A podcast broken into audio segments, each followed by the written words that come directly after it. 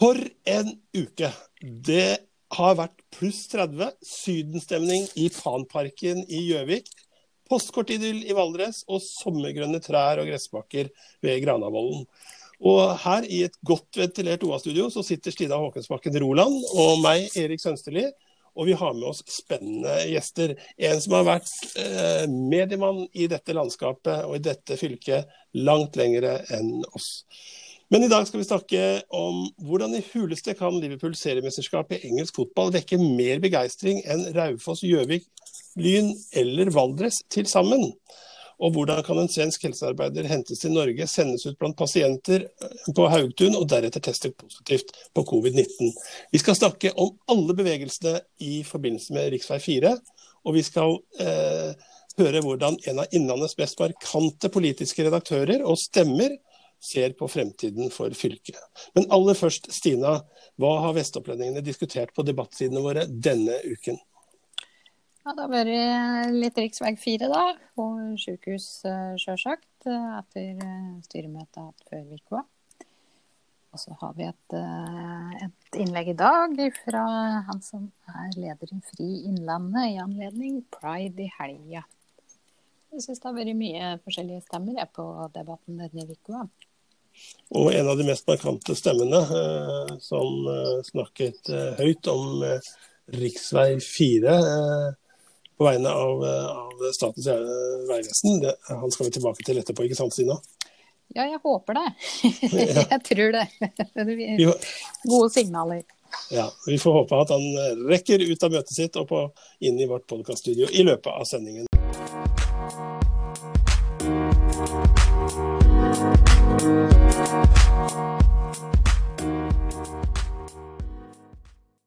En av dem som har, har vært ledende i, i ordskift, eller iallfall på kommentatorplass i, i, 40 år, faktisk, Håvard Halvard Grotli i GD. Eh, eh, du har ditt siste dag i dag eh, i, i, GD og har skrevet din siste kommentar, står det på førstesiden akkurat nå. Hvordan i alle dager oppleves det, sånn fra en mediekollega til en annen? Det oppfattes og føles faktisk veldig godt. Eh, på mange måter veldig naturlig. Det har vært en eh, mental øvelse i å forberede seg til å slutte å gi fast arbeid. For meg som for alle andre som har vært i, i samme situasjon. Men det er klart at uh, jeg fikk anledning til å breie meg litt ekstra i dagens utgave av Gudbrandsdølen Dagningen. Så um, på sett og vis uh, har jeg da hatt anledning til å oppsummere i hvert fall noen inntrykk fra mitt uh, virke som pressemann på Lillehammer siden 1980. Det høres nesten helt håpløst ut å skulle uh, komprimere et sånt hovedinntrykk i, i bare én artikkel. jeg vet du hva, jeg hørte med interesse på den introen dere hadde, og som forteller meg det mangfoldige Oppland for å bruke det uttrykket fortsatt. Mm. Eh, I valgkretser og til Stortinget så gjelder jo Oppland, ikke sant. Eh, dere fortalte om hva som hadde preget OA. Eh, det som har preget GD, er jo veldig mye vann. Mm. Der, eh, Ottaelva har vært stor, Lågen er fortsatt stor, Mjøsa stiger. Og jeg har lyst til å si, ja, for det, Dette med fjellregionen er jo ikke det som preger mest OAs eh, fokus. Men eh, vi er et eh, fylke i europeisk sammenheng som eh, Det er ikke noe fylke i Norge som har så mye fjell i seg. Tenk på det at gjennomsnittsdefinisjon på, på fjell er 600 meter over havet. 75% tre fjerdedeler av Opplands areal ligger over denne fjelldefinisjonen. Og I Gudbrandsdalen Lillehammer så er denne prosenten på 85. Og det sier oss det kommer mye snø, det kommer mye vann. Og det setter sitt preg på oss hvert eneste år. Så det har vært virkelig i fokus for GD denne uka. Mm. Hva, hva, har endra seg mest politisk i Innlandet siden 1980, da du skrev den første leder, Halvard? Ja, Det er et soleklart element som er svaret på dette det er hvordan et knallsterkt Arbeiderpartistyre i vårt fylke eh, er løst opp av eh, mangefasettert eh, bilde. Det er Senterpartiet har hatt fylkesordfører. Det har vært samarbeid på Senterpartiet, Frp i fire år med, med Hans Seierstad fra Toten, som, som rykka inn. Da Audun Troen trodde han skulle bli fylkesordfører i 1999, så kom altså Hans Seierstad seilende inn. Og Arbeiderpartiet ble parkert i opposisjon, til i dag hvor det er Arbeiderpartiet og Senterpartiet som styrer sammen. Men altså svaret, Erik, er at eh, det har blitt mer mangfold i det politiske liv. Og det tjener Oppland på, det tjener våre kommuner på.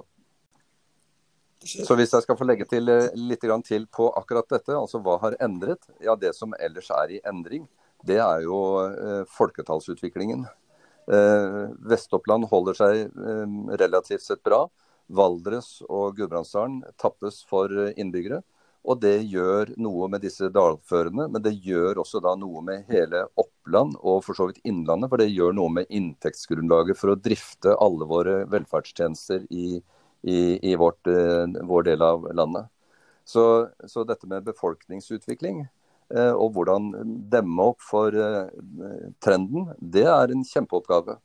Og jeg har sagt eh, til andre at eh, for meg så er det en gåte hvordan Arbeiderpartiet og Senterpartiet driver og sentraliserer nå eh, hundrevis av millioner kroner til Hamar, som jo har en eh, økonomisk drivkraft i seg sjøl. Det er jo ikke Hamar som skulle ha hatt alle disse hundrevis av millionene. Fylkeskommunen og partiene, Arbeiderpartiet og Senterpartiet, skulle gått foran og vist nå hvordan digitalisering kan tas i bruk i hele fylket vårt og fordelt tjenester mye mer aktivt utover.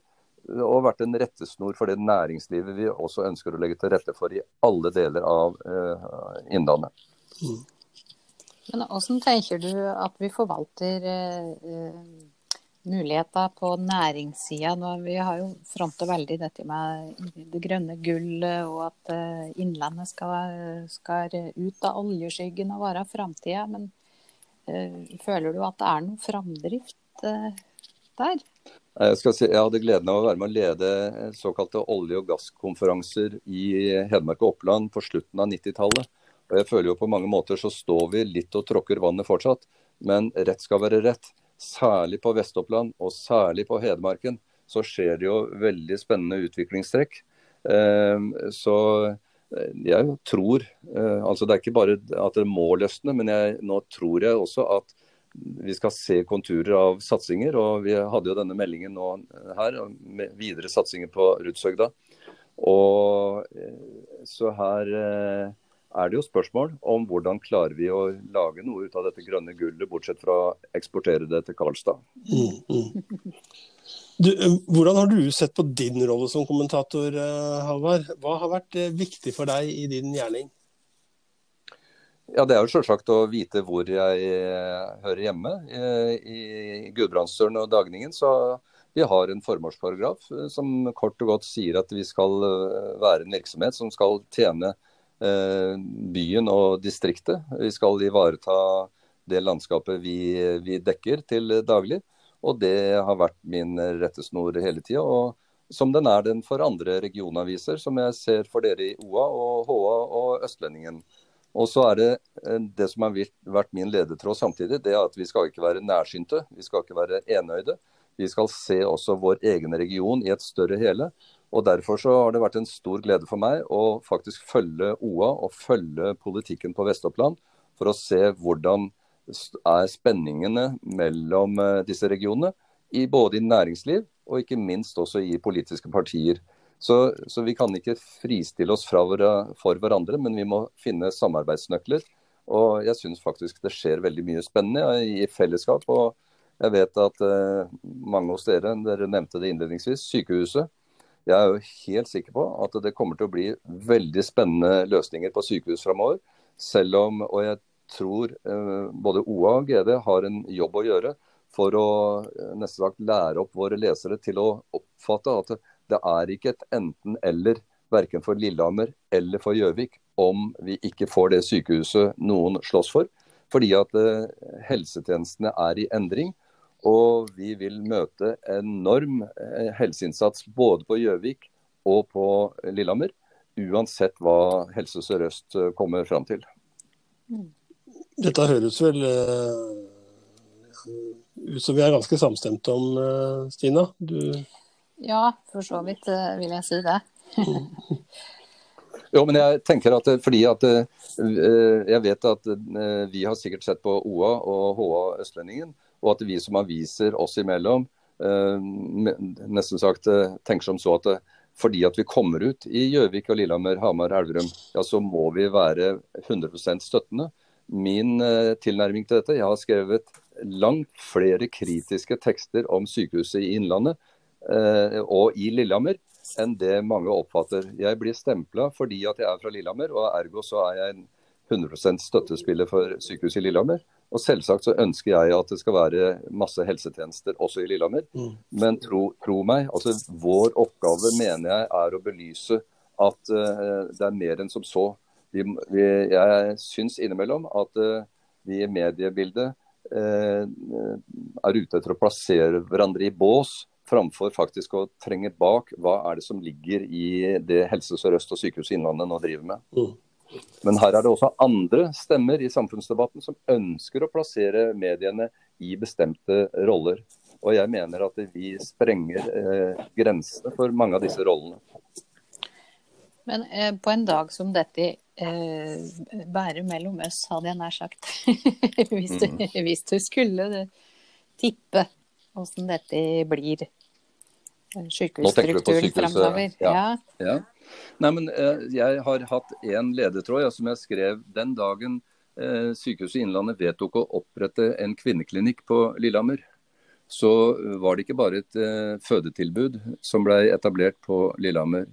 Da var det også nødvendig med en del støttefunksjoner, og som gjør at eh, sykehuset nettopp i Lillehammer har en flerfaglighet ved seg som ikke alle andre sykehus har i dagens drift.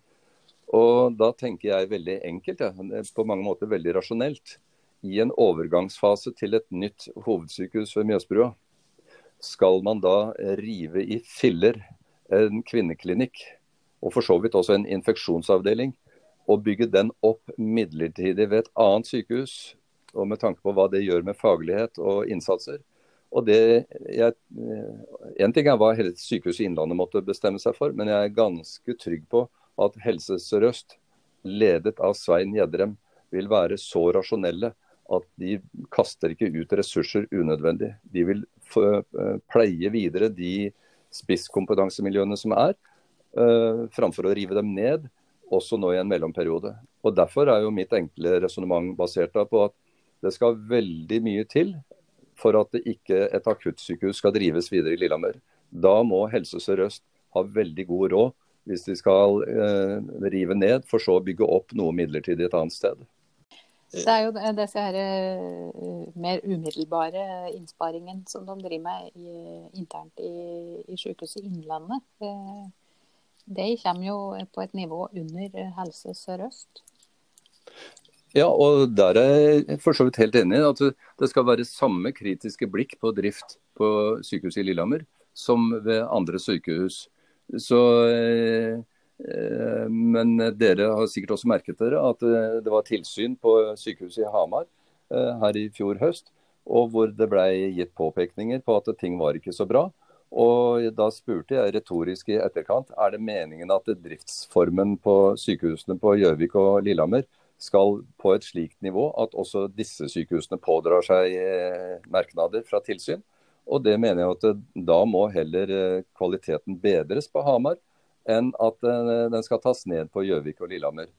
Og nå merket vi jo fra siste styremøte at det var signaler om at, må, at de må være tøffe nok til å si at sykehustilbudet er godt nok.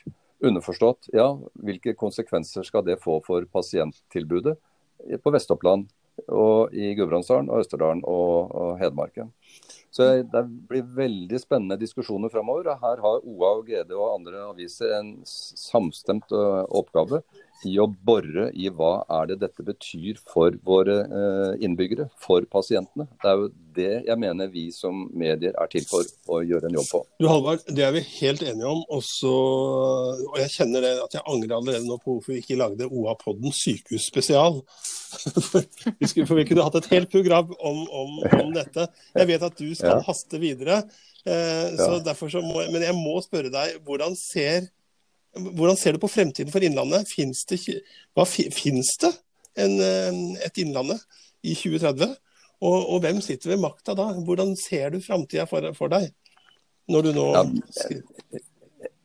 ja eh, kjempespennende spørsmål, Erik. Og, og det jeg, jeg, tror jeg nesten skal, skal vedde ei god flaske vin med dere begge to på at kommunestrukturen er annerledes i 2030 om vi da trenger en fylkeskommune. Eh, fylkeskommunen skal virkelig jobbe for å vise sin legitimitet.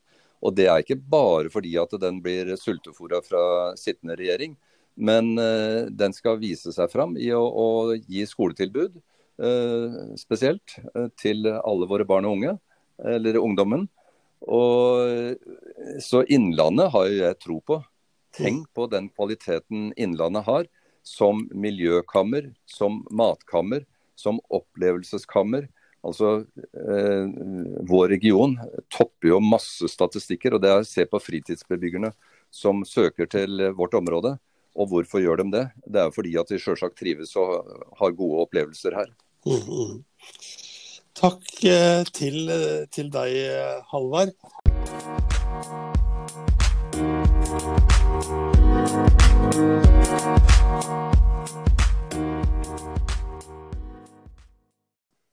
Torsdag kveld ble Liverpool seriemester i engelsk fotball for 19. gang.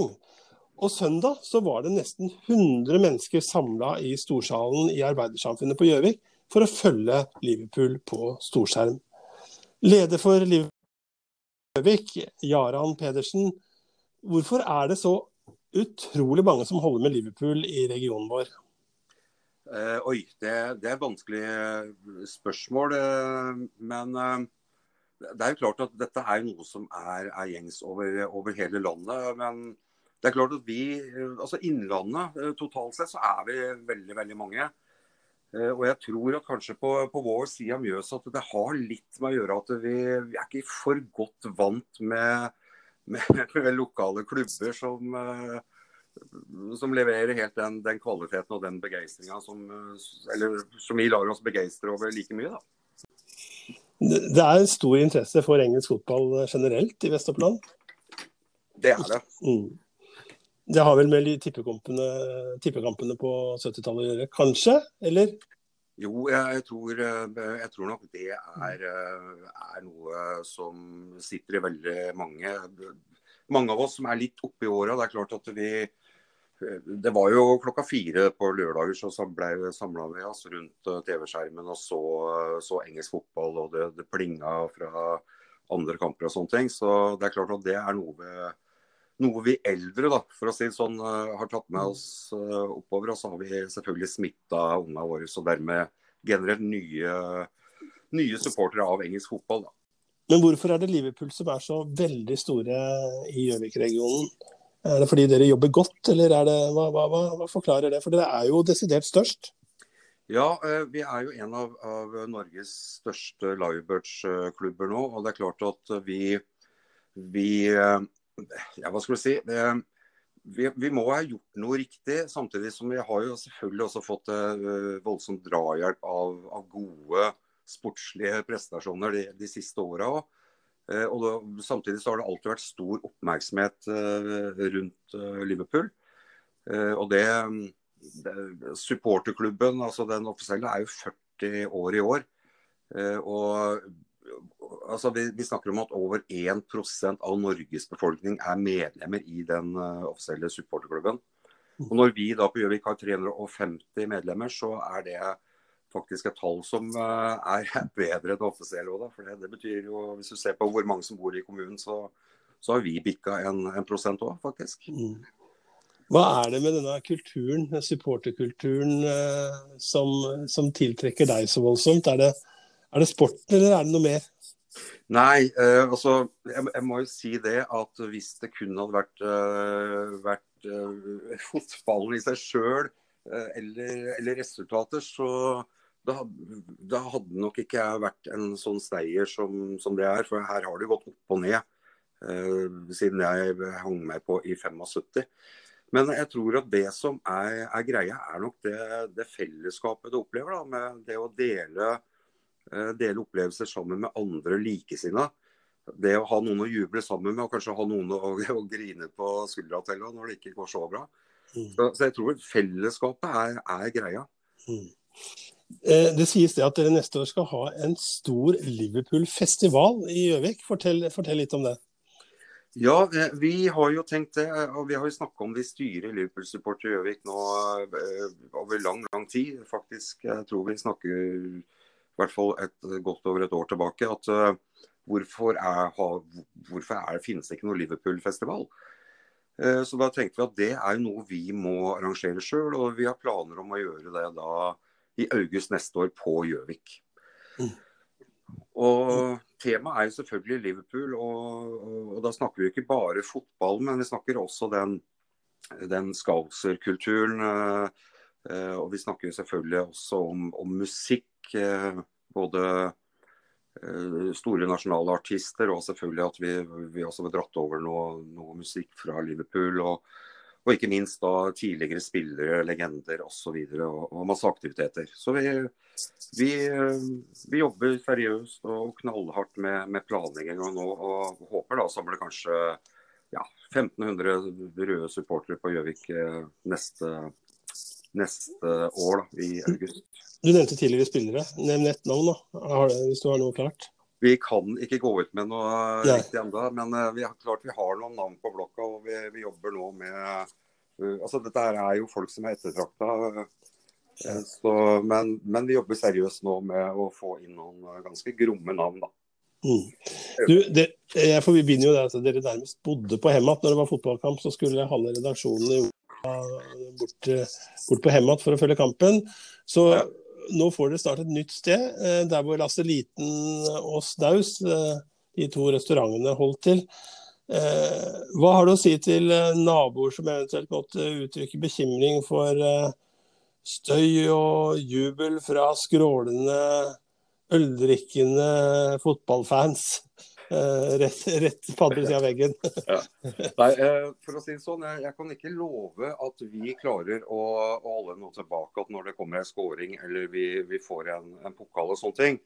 Men, eh, men, det som er greia, er jo at det skjer jo da på tidspunkter på dag eller, eller ettermiddag kveld som, hvor de aller fleste fortsatt er, er oppe, for å si det sånn. Så akkurat når det gjelder natt bråk eh, og sånne ting, så, så vil ikke det komme fra oss. Så, og så vil jeg jo også nevne det at vi har jo da en, eh, har noen år på Hemmat. og Det har jo der, er også et nabolag der, og vi har aldri fått en klage. og Vi, vi er faktisk opptatt av, av omdømmet vårt. og mm. Vi er en ålreit gjeng, og vi vil gjerne bli oppfatta som en ålreit gjeng. da. Mm. Så, så, så jeg, jeg, har jo lyst til å berolige alle naboer der. Uh, og si at det er i hvert fall ikke vi som skal, skal ødelegge verken nattesøvn eller, eller, skape noe dårlig stemning i, i bygården der. Nei.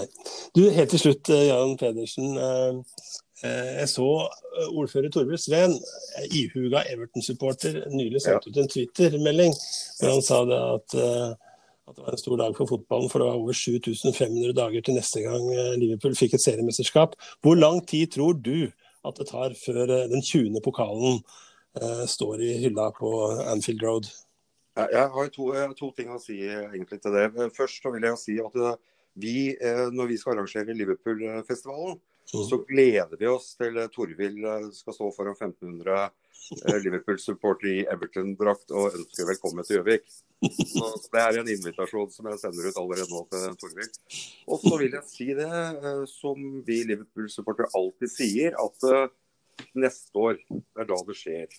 Og det, det kommer jeg til å si hvert eneste år. Så de dagene som nå Torvild har brukt av, av ordførertida si på å regne ut, det, det kan vi jo bare drive med. Men uh, vi, vi, blir jo Premier League-mestere neste år òg.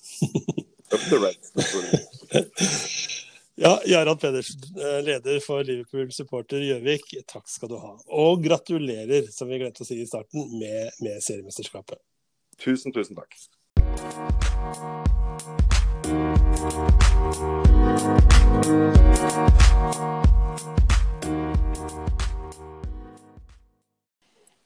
Da har vi fått med oss eh, utbyggingsdirektør Kjell Inge Davik i Statens vegvesen, som, eh, som, jo eh, den observante leser har fått med seg, hadde en kronikk i avisa tidligere denne uka, der det skrev om at det er vi, Statens vegvesen, som kan rv.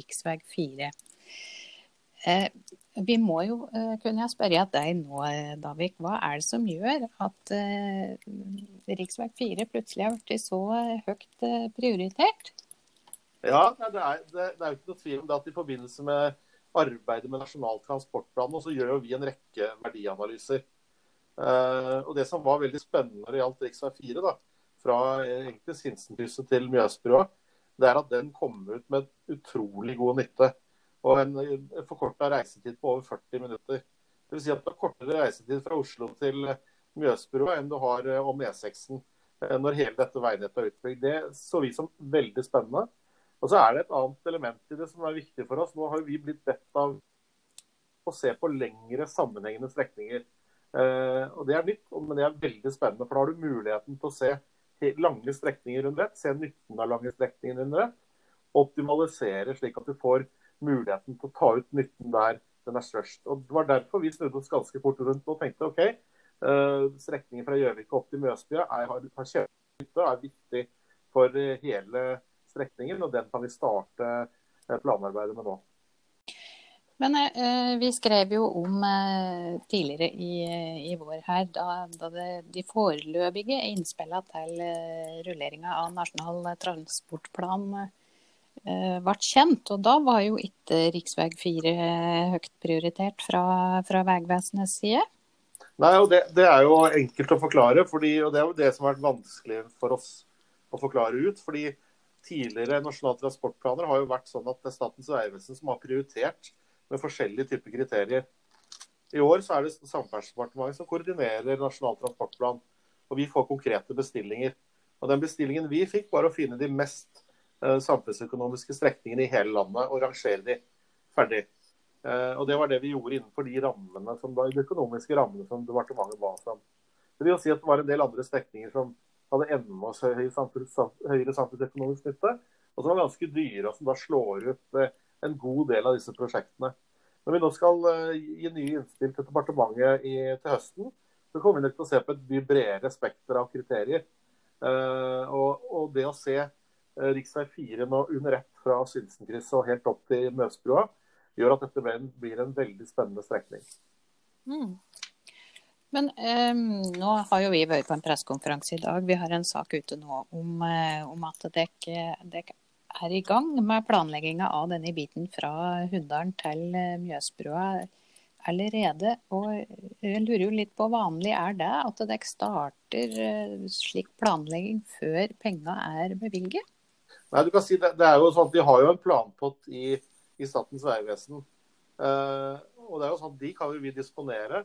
og Samtidig så, sånn, så melder vi jo da inn nye, nye behov for budsjett 2021. Uh, eh, og Det er jo helt avgjørende for oss uh, at skal vi klare å komme fram med et, en byggestart i dette prosjektet så tidlig som mulig, så er vi nødt til å starte tidlig. Og ikke minst er vi nødt til å ha en veldig tett og god dialog både med kommune, fylke og omgivelser rundt det. og Derfor var det viktig for oss å starte det arbeidet nå.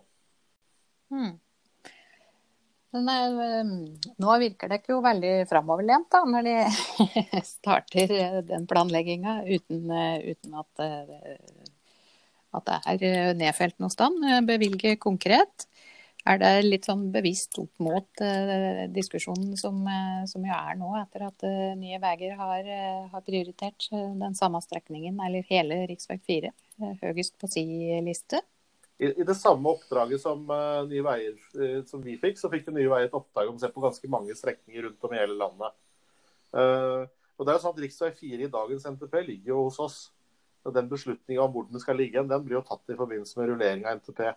Men uansett så var det jo veldig Det er to ting som er viktig på rv. 4. Det er at vi kommer i gang med å få bygd ferdig Hadeland pakke 2. Den er helt klar. Og det har vi også vært veldig tydelige på overfor for departementet at der er de klare. Vi har folk som kan sette i gang. Anbud kan gå ut kjapt. Det er det viktige. og Den strekningen kommer til å ligge en god stund før man eventuelt skal gjøre noe med passasjen eh, ved Lygna. Men den, kanskje den viktigste strekningen eh, totalt sett er denne strekningen fra Gjøvik og opp til Mjøsbrua. Derfor var det viktig for oss å starte det nå.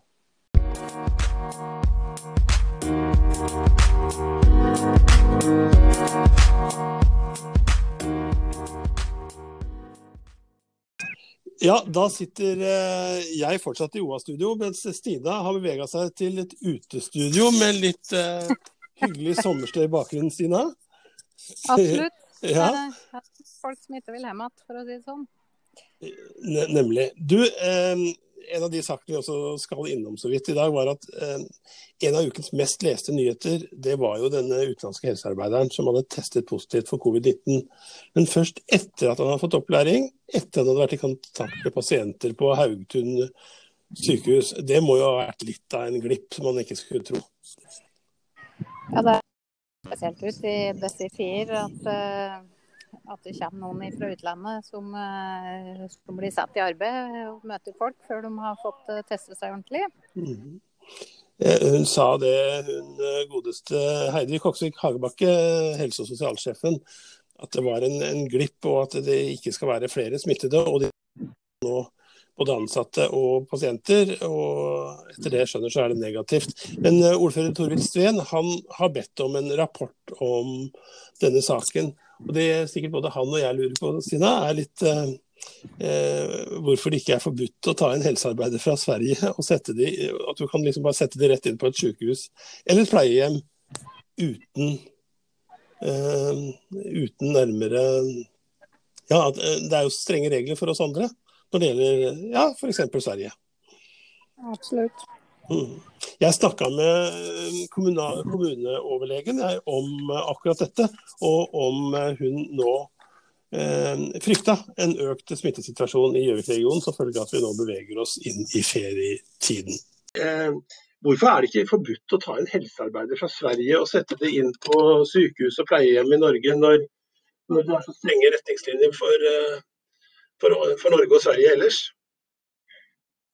Eh, Jeg vet ikke om jeg er rett person til å svare på det spørsmålet. Det er, eh, vi følger retningslinjene fra Helsedirektoratet og Folkehelseinstituttet. Og der er det gitt en åpning for å ta inn arbeidskraft som regnes som samfunns... og nå faller ordet bort for meg. Samfunnskritisk. Ja. Samfunnskritisk eh, ja, arbeidskraft. Eh, men da er det jo noen regler man må følge, da. Ja. Og, og da er, er smittetesting en del av det. Ja, Mm. de som kommer skal testes to ganger i løpet av den ti dagers eh, karanteneperioden. Det er jo en fritidskarantene de settes i da de kan jobbe, men må være i karantene på fritiden. Når du ser deg tilbake, så har dette gått bedre enn du frykta første gangen vi snakket sammen i, i, i mars. Det har gått veldig mye bedre. Folk har vært veldig flinke, og vi har klart, klart å, å kvele spredningen godt. Vi får håpe at det fortsetter, selv om vi kan eh, forvente da noe, noe mer topp utover, eh, utover eh, sommeren og høsten. Da. Men, ja. men det gjelder kanskje ikke å, at panikken skal ta oss. Nei, vi skal ikke, skal ikke bli paniske i det hele tatt. Vi skal oppføre oss fornuftig. Det er vel det rådet jeg har. Hold deg hjemme når du er syk. Vask hendene godt og ofte, eller bruk hånddesinfeksjonsmiddel. Og hold den meters avstand til andre enn dine nærmeste. Flott. Takk skal du ha, Siri Fuglenberg. I etterkant av denne samtalen med Siri Fuglem Berg, så kontaktet hun oss og ba oss om å gjenta alle symptomene som ligner på covid-19. Altså, eh, det er ett av flere. Eh, hoste, feber, kortpustet, tap av smak og luktesans. Da bør du vurdere å teste deg for koronavirus. Det betyr at du kan kontakte fastlegen din eller koronatelefonen i egen kommune for time til testing. Til slutt så beklager vi den litt dårlige lyden som var under opptaket med kommuneoverlegen i Gjøvik. Ja,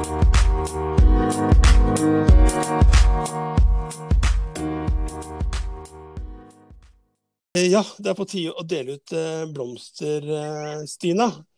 det deler vi jo alltid ut, gjør vi ikke det? Til en som enten trenger en oppmuntring, eller noen som har gjort noe som, eh, som vi vil hylle med en blomsterbukett. Hva blir det denne uken her? Ja.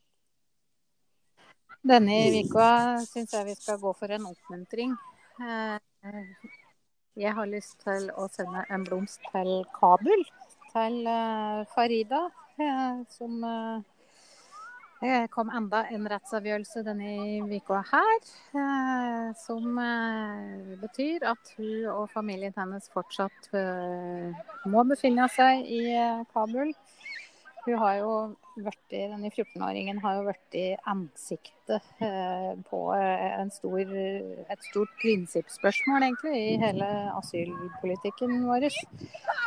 Og det, nå har de sittet inne i denne leiligheten i flere år. Mens uh, dette pågår i det norske rettsvesenet for å få etablert praksis. Så jeg tenker at det Vi, vi sender en blomst til Kabul i Afghanistan, der 14 år gamle Farida sitter. Og, og det er jo en sak som, hvor støttegruppa Eh, har eh, bestemt seg for nå, sikkert i samråd med familien, at de for andre gang bringer den nå inn for Høyesterett. Så, eh, men det, man kan jo bare tenke seg hva slags vanskelig situasjon det er for Farida. Et ungt liv som står liksom på, på vent.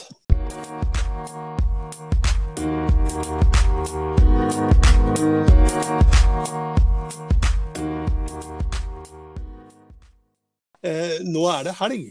Eh, det, det, blir jo litt annerledes helg for deg. Du skal ikke på jobb igjen på mandag. Eh, hva skal du gjøre eh, i helga? Nei, i helga skal, Nå fyller jeg altså 70 år på søndag, eh, helt konkret. Så vi skal ha familieselskap, nær familie, både i morgen og, og, og på søndag. Og så gleder jeg meg til eh, ferie, som alle andre, og skal reise til forskjellige mål i både i Innlandet og litt sørover. Ja. Du, du, sa til meg at du skulle ha for første gang i ditt liv faktisk sju ukers ferie. Ja, jeg skal det. Jeg skal, uh, har aldri hatt mer enn tre ukers sammenhengende ferie, så jeg gleder meg virkelig til det. Og, ja. og gleder meg til å, å stille opp uh, i august for mitt uh, barnebarn på seks år, som skal begynne på Reddaren skole.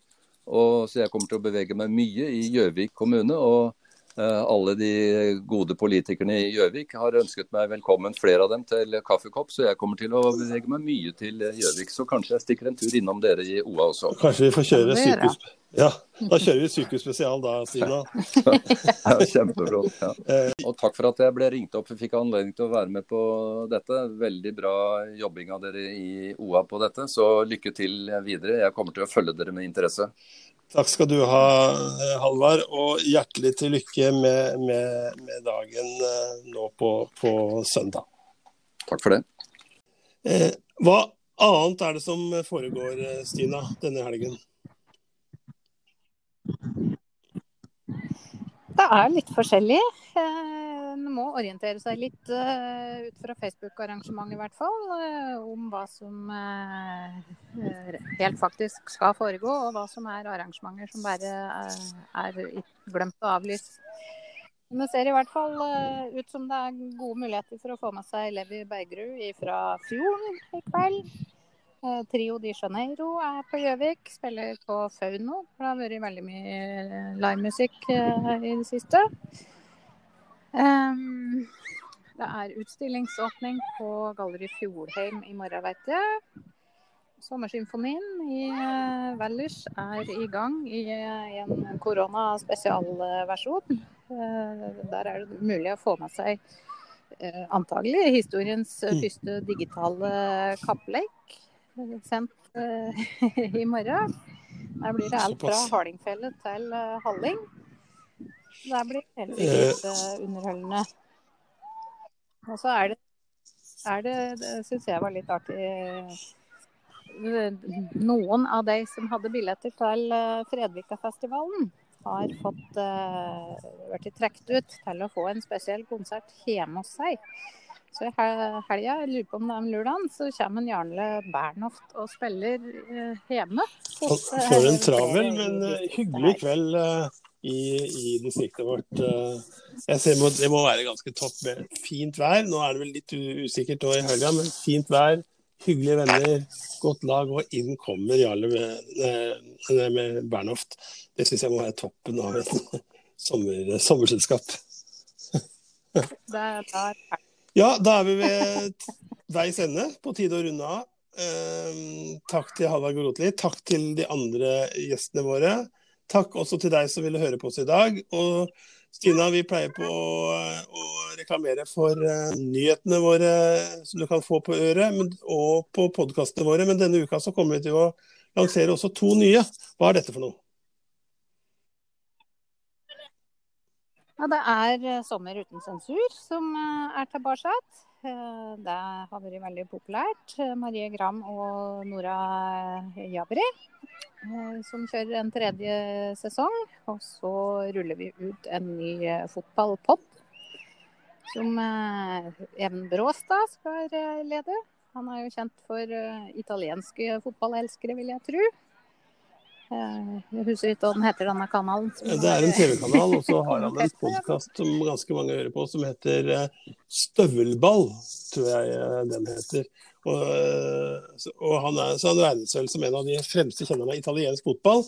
Men det kanskje ikke hele Norge vet, men, men vi vet, er at han er en desidert kjenner også av fotballen i Vest-Oppland. Og det skal vi nå få høre i de kommende ukene, sammen med noen av de andre yngre medarbeiderne våre. Eh, Men selvsagt med Befringen. Knut Befring som ekspertkommentator eh, nå i, når fotballen ruller for alvor i gang, også på våre breddegrader. Så da gjenstår bare én ting å si. Riktig god helg til dere alle. Oh,